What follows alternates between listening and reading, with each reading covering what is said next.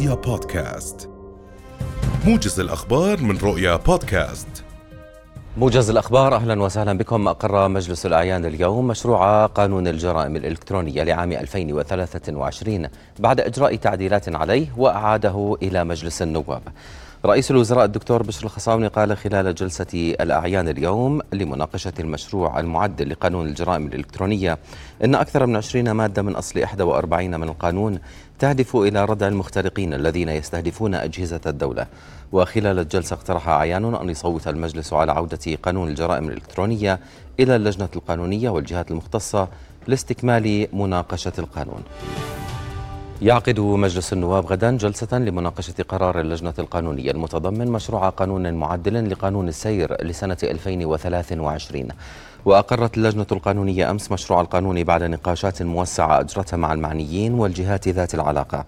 وقال رئيس اللجنة النائب غازي الذنيبات أن التعديلات الجديدة ستسهم في المحافظة على حياة المواطنين وممتلكاتهم ومعالجة العديد من القضايا التي يعاني منها الأردنيون جراء عدم التزام البعض بقوانين السير.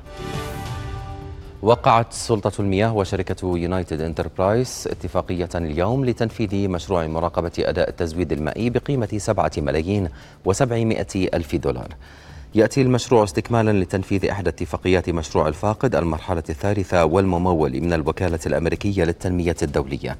وبين وزير المياه والري المهندس محمد النجار أن المشروع يأتي في إطار جهود الوزارة لتخفيض الفاقد المائي الذي تتعدد أسبابه كاهتراء الشبكات والبنية التحتية والأخطاء في العدادات وقراءتها والاستخدامات غير المشروعة والاعتداءات على مصادر المياه.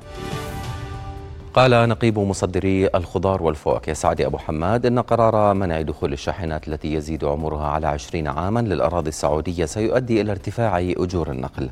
وأضاف أبو حماد لرؤية اليوم أن عدد البرادات بعد القرار لا يغطي حجم الصادرات ما يؤدي إلى عودة كميات من الصادرات الأردنية إلى الأسواق المركزية المحلية مشيرا إلى أن ذلك سيؤدي إلى زيادة المعروض وانخفاض الأسعار وبالتالي خسائر كبيرة على المزارعين. ولفت إلى أن عدد الشاحنات الأردنية الكلي يبلغ 3600 شاحنة بينما ينطبق القرار على 1200 شاحنة. شهد مخيم عين الحلوى الفلسطيني في لبنان هدوءا حذرا مساء أمس الاثنين عقب توقيع اتفاق لوقف إطلاق النار بعد ثلاثة أيام من الاشتباكات التي خلفت أحد عشر قتيلا وستين جريحا.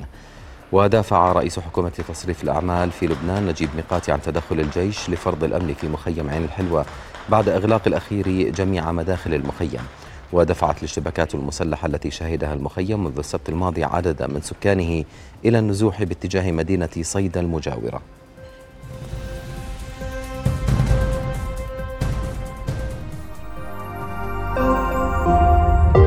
رؤيا بودكاست.